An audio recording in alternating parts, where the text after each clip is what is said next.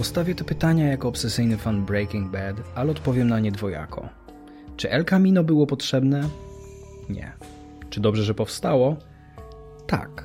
A z perspektywy fana zdecydowanie tak. A czy jest równie dobre jak ostatnie godziny Breaking Bad? Akurat na to odpowiem już konkludując tę recenzję. Samemu serialowi i temu, czemu zasługuje na status kultowego i na królewską koronę, poświęciłem swój ostatni odcinek, który możesz sprawdzić pod przyciskiem w prawym górnym rogu na YouTube lub w deskrypcji poniżej. Breaking Bad zakończył się tak finalnie, tak definitywnie zamykając w sposób satysfakcjonujący wszystkie otwarte wątki, że trudno było mi dostrzec jakąkolwiek furtkę otwartą dla kontynuacji. Mam tu na myśli również opowieść Jesse'ego Pinkmana, w której miało się wrażenie, że także wybrzmiał ostatni dźwięk. Ale kiedy twórca, scenarzysta i reżyser Vince Gilligan publicznie oznajmił, że po zabawach z przeszłością postaci pobocznych Better Call Saul jest gotów na film o przyszłości Jesse'ego, bo w jego głowie pojawiła się historia, którą warto opowiedzieć, to uwierzyłem mu. No bo komu, jeżeli nie jemu? I teraz, kiedy już mi tę historię opowiedział pod postacią El Camino, mogę rozliczyć go za te słowa. I kilka przemyśleń nasuwa się samych. Przede wszystkim, że jest to rasowe Breaking Bad. To nie lekki klimat Better Call Saul, to nie jakiś eksperymentalny kierunek artystyczny w konwencji kina drogi, jak mógłby sugerować plakat i tytułowy samochód.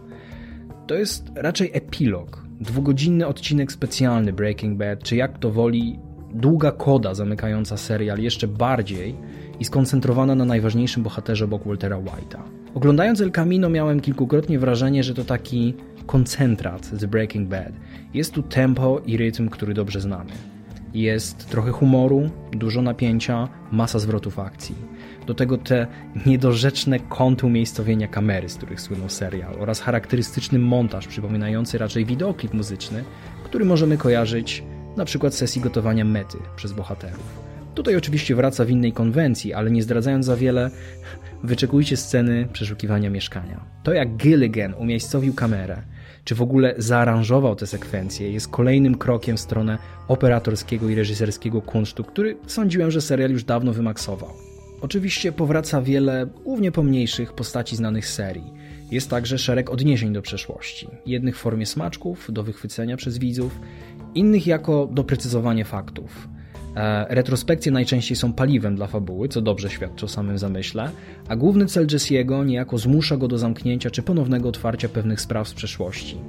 Chcę przez to powiedzieć, że nic nie jest wymuszone, mimo iż sprawia wrażenie epilogu dopisanego 6 lat po fakcie. Zaskoczyły mnie fabularne zygzaki, czy też slalomy. Niby wiedziałem, czego się spodziewać, a jednak dałem się wyprowadzić w pole więcej niż raz. Mogło być prostolinijnie, a co chwila następuje coś bez schematu. Nie jest to nową w przypadku Breaking Bad, ale jeżeli ma się tylko dwie godziny i niemal wszystkie sytuacje zostają rozwiązane w sposób zupełnie nieoczywisty, no to można pomyśleć, że albo scenarzysta jest geniuszem, co jest prawdą, albo że to ja jestem filmowym analfabetą, co również może być prawdą. I tak szczerze, to jest naprawdę przyjemne uczucie, biorąc pod uwagę, jak przewidywalne stały się dziś filmy i seriale e, za sprawą zwiastunów, że niby wiesz, co zaraz się stanie, ale po chwili stwierdzasz, że dalsze zgadywanie nie ma sensu. I po prostu zapinasz pasy i myślisz, ok, to wy kierujecie, zabierzcie mnie gdzie chcecie.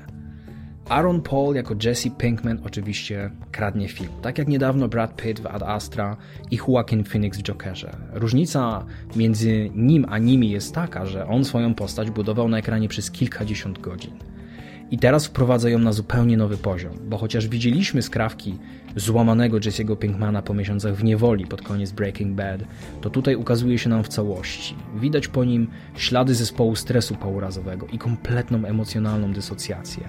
Jest jak dzikie zwierzę, nastawione wyłącznie na cel, a na swoje przeszłe życie patrzy trochę jak na życie innej osoby.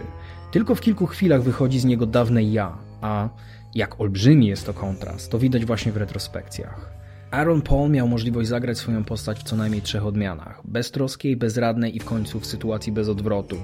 I brawa dla niego na stojąco, tym bardziej, że tym razem historię musiał udźwignąć bez swojego aktorskiego partnera, Briana Cranstona, czy chociażby Jonathana Banksa, który grał Majka.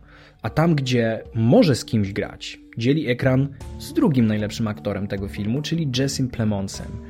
Nie wiem, czy pamiętacie jeszcze psychopatycznego Toda? Już w serialu był niekonwencjonalnie zbudowaną postacią, czyli psychopatą, który zabija dzieci i kobiety z zimną krwią, ale jakby z mentalnością i serdecznym podejściem szkolnego prymusa, który szuka w tobie przyjaciela, ale jakby co to wpakuje kulkę w głowę twoim najbliższym. I tutaj wypada jeszcze ciekawiej. Jego interakcje z Jessim są chyba najlepszą stroną filmu, jeżeli chodzi o rozwój postaci. Szkoda, że nie ma ich więcej. Chciałem oryginalnie nazwać ten odcinek El Camino ucieczka od przemocy. Coś jak Eastwoodowe Unforgiven w świecie Breaking Bad.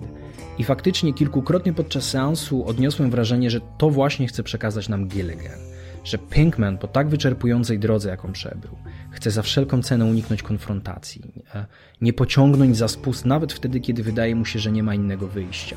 Nie umiem odpowiedzieć, czy taki był rzeczywiście zamysł, Jestem w tej kwestii wewnętrznie rozdarty, ale nie sposób o tym mówić bez zdradzania fabuły, dlatego chętnie poznam Waszą opinię w komentarzach. Mogę za to odpowiedzieć na pytanie, czy El Camino utrzymuje poziom Breaking Bad.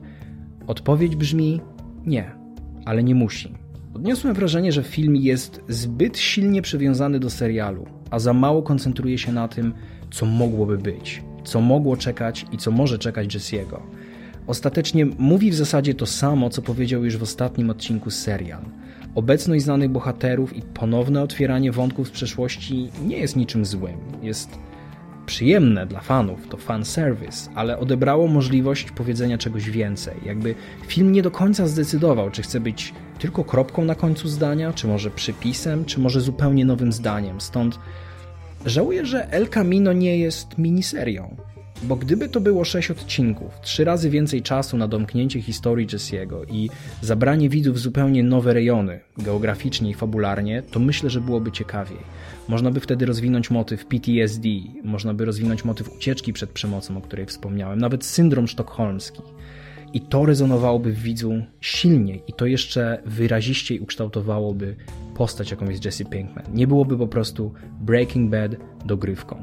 Niemniej Breaking Bad dogrywka ma u mnie jako film 7,5 na 11 w skali bez schematu, a jeżeli podobnie jak ja jesteście fanami Breaking Bad, to 8,5 na 11.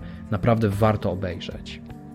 Czekam na Wasze komentarze, czekam na Wasze przemyślenia i już po seansie, także znoszę spoilery w komentarzach, miejcie tego świadomość. Pamiętajcie, żeby subskrybować mnie, zarówno jeżeli słuchacie podcastu, jak i oglądacie mnie na YouTubie, to wtedy kliknijcie też ten cholerny dzwoneczek, bo to on sprawia, że jakoś mogę dotrzeć do Was z nowymi materiałami pośród tego szumu informacyjnego na platformie. I wielkie dzięki dla moich patronów. Wspierają mnie fantastyczni ludzie, mają dostęp także do ekskluzywnej grupy, na której dzielę się ekskluzywnymi materiałami i daję też fajne nagrody w zamian za wsparcie mnie. Możecie mnie wesprzeć w prawym górnym rogu teraz tutaj na YouTubie albo w linku w deskrypcji. I jeszcze raz polecam Wam mój materiał o Breaking Bad.